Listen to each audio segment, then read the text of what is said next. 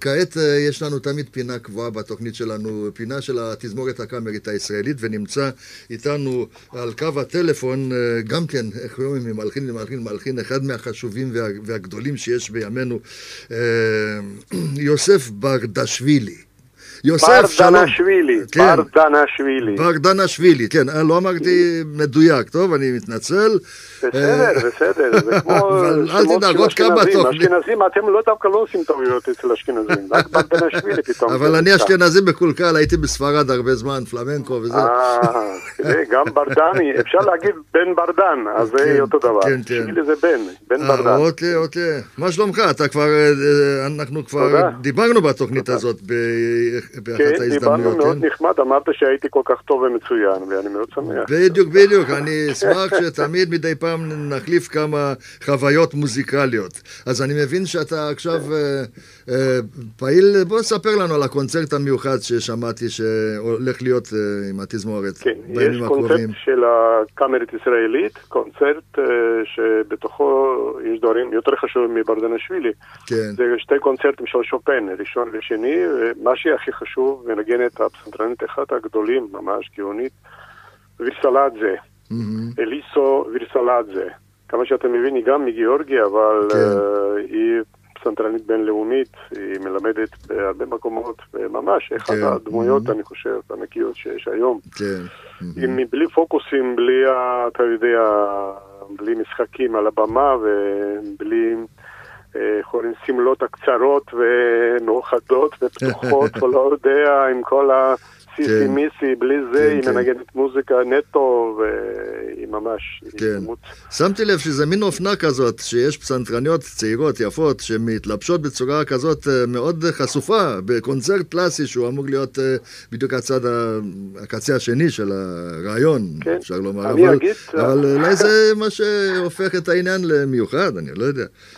תראה, אני אגיד, בקונצרטים בגדול מוזיקה סימפונית שומעים זקנים בגיל, מגיל 50 הלאה, זה לא זקנים, אבל בוא נגיד ככה. אז נעים להיות בחורה יפה, שאתה יודע, הרבה ויברטו למעלה, למטה, וזה נחמד מאוד, זה משלים. במיוחד בגיל 70 זה משלים יותר, אני חושב, זה הסיבה. והזקנים, הבחורות נפלאות, הם מבינים שזה עובד, אז למה לא? לא, מה שמיוחד בזה שהן גם מנגנות בצורה וירטואזית. כן. הם גם, כשבאה בחורה שמופיעה בצורה כזאת, קצת פרובוקטיבי, אבל מנגנת בצורה כל כך וירטואזית, זה בהחלט נכון. מעביר איזושהי זה, חוויה. זה, כן. זה מה שקורה, זה כן, מה שקורה. כן, יש כן. לנו דווקא כן. גרסה גם גרוזינית, חתיה בונייטישווילי, כן. שהיא יקרה, היא מהמם. אחת הקהל משתגע, אוהב איתה, אבל היא ממש פסנתרנית פשוט. אה, כן. אי אפשר לשכוח מתי שהיא מנגנת, יש עוד, עוד חברים מיפן, מסין, זה, אבל זה אופנה, כן.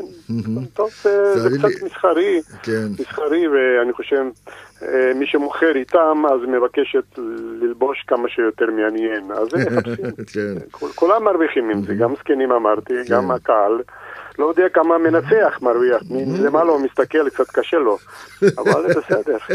קצת קשה לו להתרכז. להתרכז. הוא תמיד מבלבל בקצב, ללכת אה, קדימה יותר אוקיי, מהר אוקיי. או יותר איטי.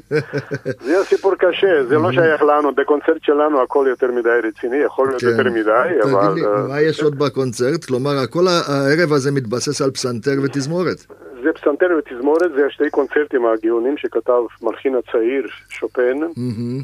פרדריק שופן, וקונצרטים ממש... אה, האהובים רגע, הקהל. אה, ויש גם יצירה של מלחין ברדנשווילי, אמרת שהוא כן, כן. אחד החשובים, אני פתאום, ללא אתה יודע, ספק. הדגשתי שכנפיים גודלים אצלי מאחורה, אז אני יכול לטוס כבר בשמיים.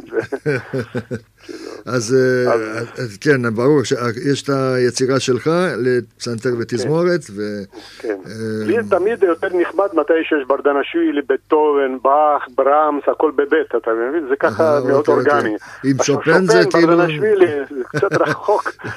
אבל אבל תגיד לי עכשיו, ברצינות, מבחינה מוזיקלית, מבחינה אה, סגנונית, אתה כותב אה, יותר כמו שמתאים לימינו, ביחס למה שכתב שופן, שהתאים אתה יודע, לימיו. בר- ברור, מתי שכתב שופן זה גם היה מודרני דווקא, וזה היה מאוד חדש לקהל בטח. רחב. כל כן. דבר שכותבים היום זה תמיד מעניין, במובן כותב בן אדם מהיום, שהוא רואה טלוויזיה, כן. פייסבוק, והכל, אבל, אבל כותב כמו שהוא כותב. תראי, יכול להיות היום מצב שמלחין עכשיו יהיה דווקא מושפע משופן ואוהב את הסגנון הזה ויכתוב משהו בסגנון שופן. זה גם קורה לפעמים. הוא יכול לכתוב.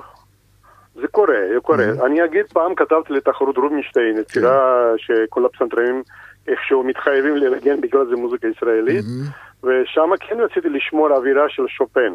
כן. אבל זה אומר את זה הכל שופן, יכול להיות פסאז' אחד איכשהו זורק. כן, כן. ו...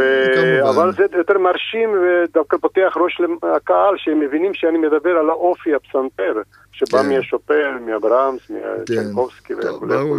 זה כן, זה כן, זה כן, אנחנו עושים, זה כמו בקולנוע, אתה יודע, שאתה כן. עושה סרט היסטורי, mm-hmm. מדי פעם אנחנו משחקים כאילו מוזיקה שלנו כתובה לפני אלף שנה, ברור כן. שזה לא, אבל אנחנו איכשהו משחקים, מחפשים צלילים, אתה זוכר סרט גלדיאטור, כן, כן, אז צימרמן השתמש שם דודוק, הדודוק כלי מזרחי, לא שייך ממש לרומא ולא שום דבר, אבל הצליל הדודוק הישן והעתיק ויופי עשה פרס אוסקר, אז הוא הרוויח הרבה עם עזרת דודוק. תגיד לי, למעשה... זה קורה, כן. למעשה, אה, יש אה, הרבה חומר שנכתב לפסנתר, אבל שופן, גם קראתם לתוכנית אה, משהו, השם של התוכנית הוא שופן, משהו. נכון. אז... אם יכתבו ברדנשווילי, יכול להיות קהל לא יבוא, אז בגלל זה כתבו שופן. כן. אבל אתה יכול לציין במשפט אחד מה מיוחד באמת בשופן? כי כתבו, גם בטהובן כתב יצירות לפסנתר, וכתבו... בשופן יש יודע, משהו שופן, מיוחד, דווקא בגלל התקופה שופן, שלו, שהיה בתקופה הרומנטית, אולי יש לזה... אני יכול להגיד, mm-hmm. שופן זה תקופה אחרת, זה כן. תקופה רומנטית, ברור, כן. זה פריז, זה עולם אה, אחר לגמרי, אתה יודע, זה כבר ספרות פריזאית, אופרה כן. פריזאית, זה קצת אחרת. זה לא פרוסיה, זה לא mm-hmm. ברלין, זה לא וינה, זה לא אוסטריה, כן. זה עולם אחר, ושופן בן אדם, ילד קטן מפולין, עם הנשמה הסלוביאנית, בוא נגיד, גר בפריז, רוצה להיות חלק של פריזאים. אז הוא ממש יוצא חלק פריזאים, בגלל האופי המיוחד שלו. כן. האופי המיוחד שלו זה השילוב של התרבויות, כן. מוזיקה סלובנית, בוא נגיד כן, נשמה כן, סלוביאנית, כן. זה אחרת. ומוזיקה צרפתית המתקדמת, הוא אחד המלחינים, הייתי ככה שג'זמן mm-hmm. הגדול של תקופת של המאה ה-19. כן, כן, ממש... ממש אפשר להגיד שהוא, מה... הוא איכשהו אחד הנציגים החשובים של התקופה. נכון, כי כשאתה נכון. רוצה להגיד טוב. תקופה אה, רומנטית, אתה אומר ישר שופן. אתה יודע, זה כן, כן, זה שופן, זה ברמס, זה שומן, כן, ברור, זה ברור, ברור שוברט, זה כן. התקופה, אבל שופן הכי מאוחד, הוא לא דומה לאף אחד. כן, כן. תמיד ככה, אם בן אדם יש לו משהו, אישיות חזקה שלו, כן. הוא תמיד מקורי, הוא יוצא קדימה. בהחלט. אם גם הוא איכשהו מצליח, להצליח עם כל היופי, מה שיש מסביב, אז שהוא זוכרים איתו. כן. השופן כתב לפסנתר הכל, הפעם לא כתב לתזמורת, לא סימפוניות, כן, כן, כן. לא שום דבר. אז, אז זה אולי בגלל זה, אולי זה המיוחד שלו, שהוא כתב בעיקר נכון, לפסנתר. נכון, נכון, נכון. טוב, אה, יוסף, הייתי שמח כן. שנמשיך את השיחה הזאת עד סוף התוכנית, אבל יש לנו פה... לגבי היצירה שלי נדבר בתוכנית הבאה. אה, לא, לא, לא, בוא, בוא, תן לי כמה משפטים על היצירה שלך. מה המאפיינים של היצירה שתהיה עכשיו, באמת, במה היא שונה מיצירות אחרות שלך? אה, קוראים בלטינית אקס אנימו, כן. מהלב, כאילו כן. מהלב, מהאהבה או מכל הלב, כאילו. כן. זו יצירה שדווקא כתבתי על ידי הזמנות של, על ידי תזמורת לאומית של ליון, זה צרפת. אוקיי. אבל הם ביקשו מראש לכתוב איכשהו להכניס שם אופי של בטהובן, זה היה בתוכנית. Mm-hmm. אז רדו לופו ניגן קונצרט מספר 3 של בטהובן באותו כן. קונצרט. אז הם ביקשו, אולי אני אצליח איכשהו... לעשות גשר מהמוזיקה של בטהובן וברדנשווילי, שניהם מתחילים בבית. אהה, אוקיי. ואני מאוד שמחתי, ואני אגיד שביצירה אני לקחתי רק אקורד, או שתי צלילים, שתי אקורדים, דומיננט, כן. טוניקה, מי שמבין מוזיקה אז כן, מבינים דומיננט. כן. ועם זה אני בניתי יצירה שיש יופי של התקופה. למה מכל הלב? למה מלב, uh, מהלב? כאילו, בגלל זה אני מאוד אוהב בטהובן, mm-hmm. במיוחד מוזיקה אינטימית שלו. כן. ובקונצרט היצירה שאני כתבתי דווקא הרבה דברים יותר אינטימיים, זה לא הרואיקה. Mm-hmm, זה, כן. זה יותר זמן ונשמה של בן אדם. זמן כן. עובר, בן אדם עובר, טוב, חיים תשמע, עובר, אבל מוזיקה נשארת, זה נכון. הרעיון.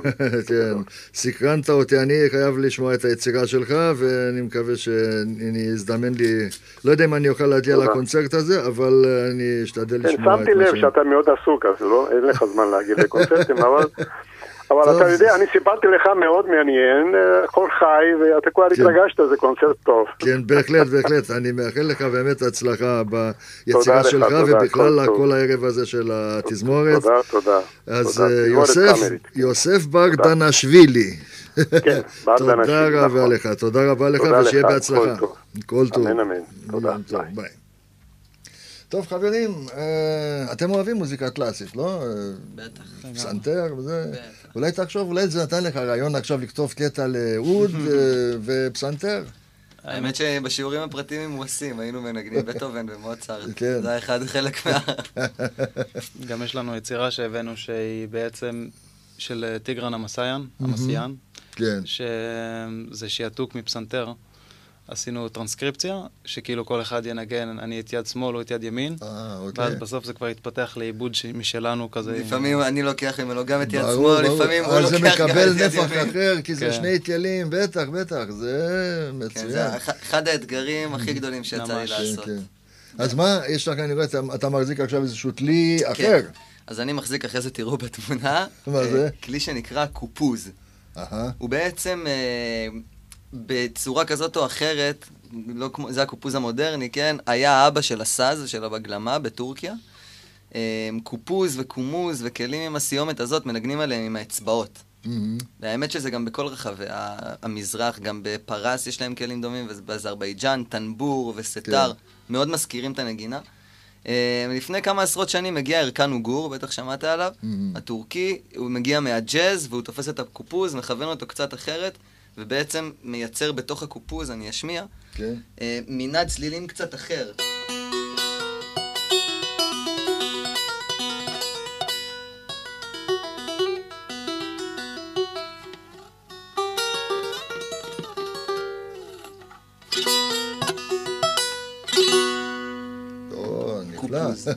אז זה טכניקה כזו של נקישות ככה.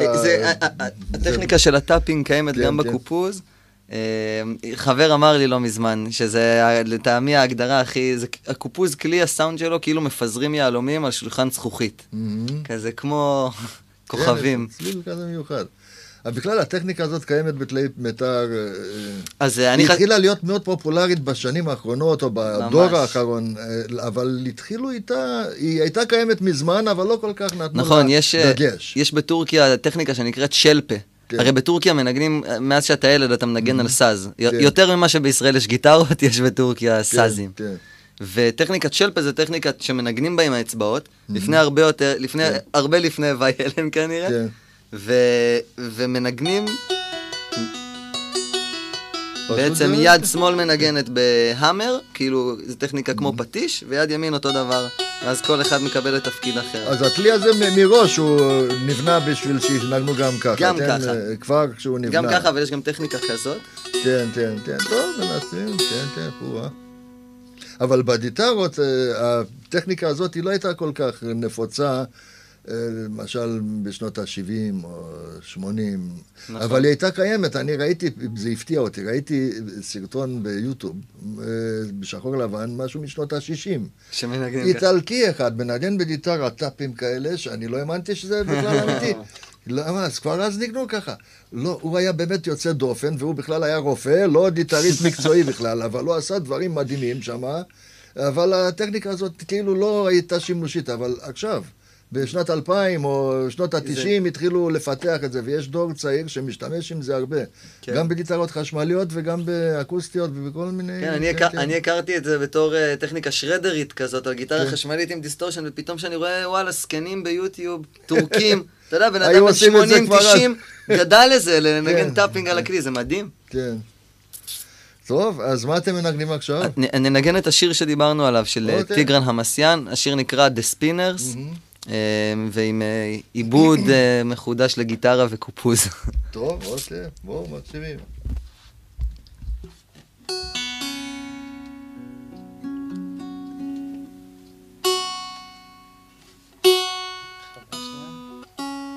כן, בסדר?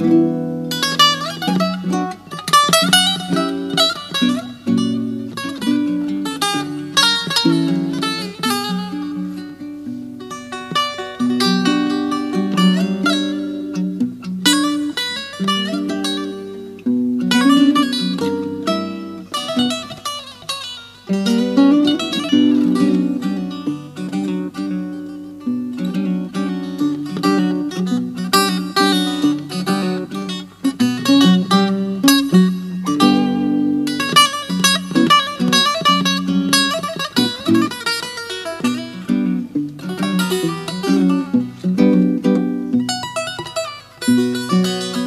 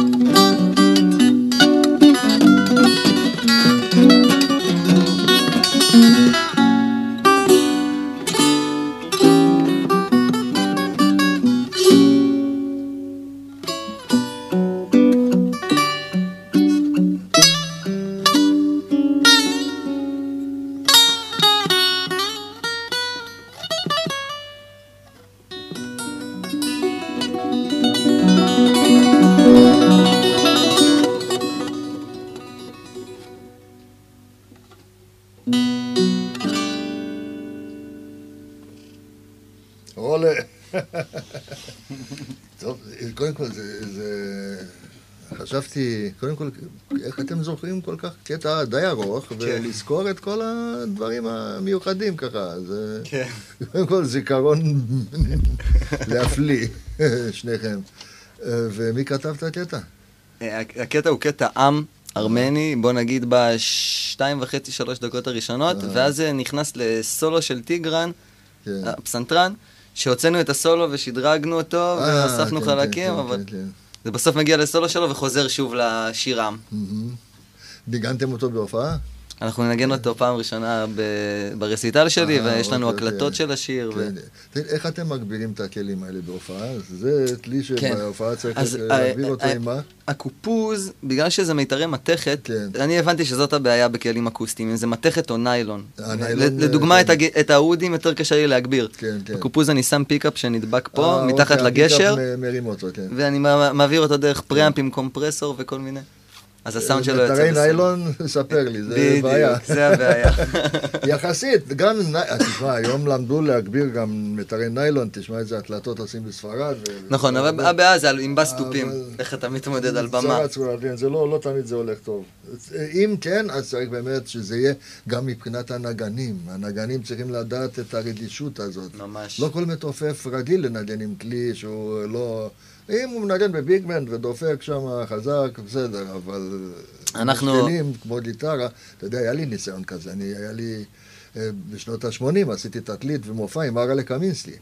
בהתחלה אני דאגתי, אמרתי, מה, גיטרה, מיתרים, ניילון, פלמנקו עם האצבעות, אני מנגן ומתופף. מקלות. אני רציתי תלייה קשה, לא תופים, אבל הוא אומר לי, אל תבהל, אפשר לנגן גם בשקט תופים. והוא הראה לי שאפשר לנגן גם ברגש ובשקט, כל מכה לפעמים היא משתלבת, זה עבד יפה מאוד עם הגיטרה. מהמם. אתה מבין?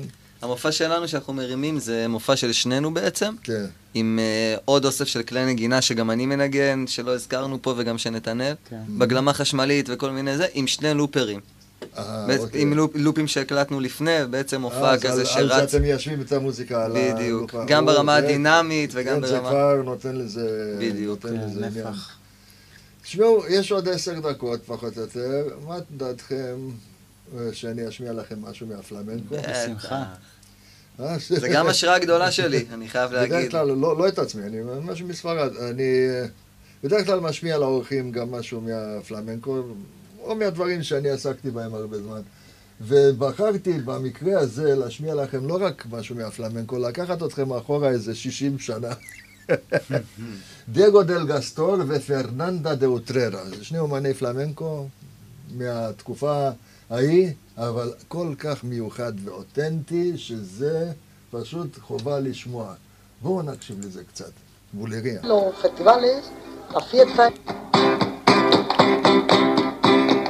כמובן, הקלטה כזאת אה, אותנטית כזאת, לא לחפש פה איכות סאונד יוצא דופן, גם זה מאוד ישן, אבל שימו לב לאווירה.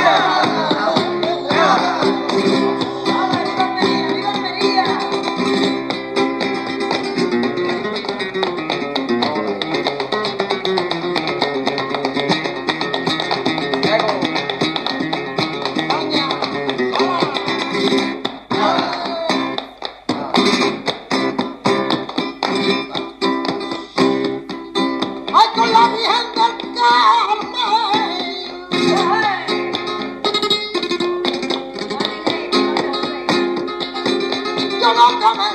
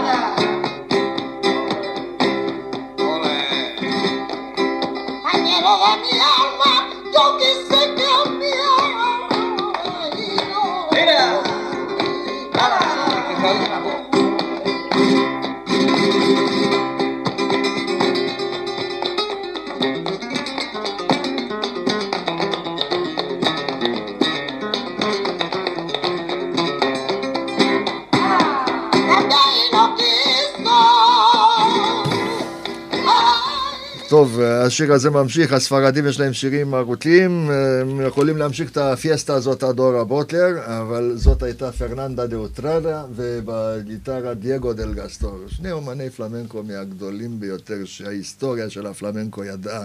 אה, מה שהם ניגנו זה היה מקצב שנקרא בולריה, אבל בולריה, מקור המקצב הזה הוא בעיר חרס, חרס דה לה פרונטרה.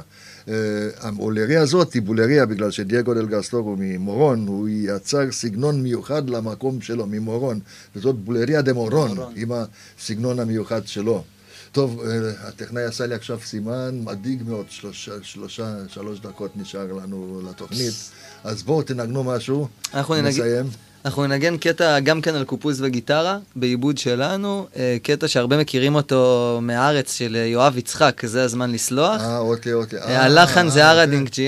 מת- מארמניה, נגן אוד ארמני. כן, כן, זה אחד השירים היפים מאוד, יש כן. שם את המשחק הזה עם הריבי טונים. עשינו- לקחנו את זה עוד יותר. כן, אז בוא, בוא, בוא נשמע את זה, בוא, בוא.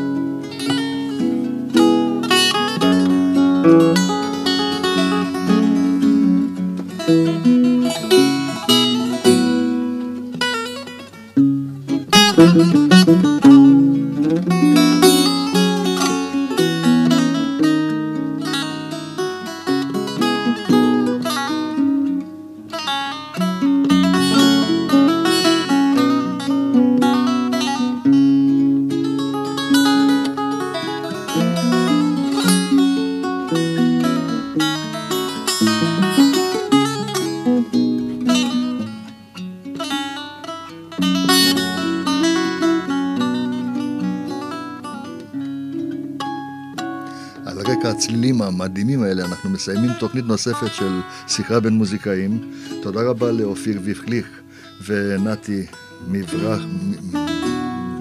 מברתי, נתי מברתי, יש לי בעיה עם שמות, אה, אבל כל כך נהנינו מהמוזיקה שלכם, אני מאחל לכם הצלחה בהמשך הדרך, ותודה לדותן בידי על הביצוע הטכני. אה, כאן בלדי אולר, רדיו קסם, 106 FM, נתראות בשבוע הבא.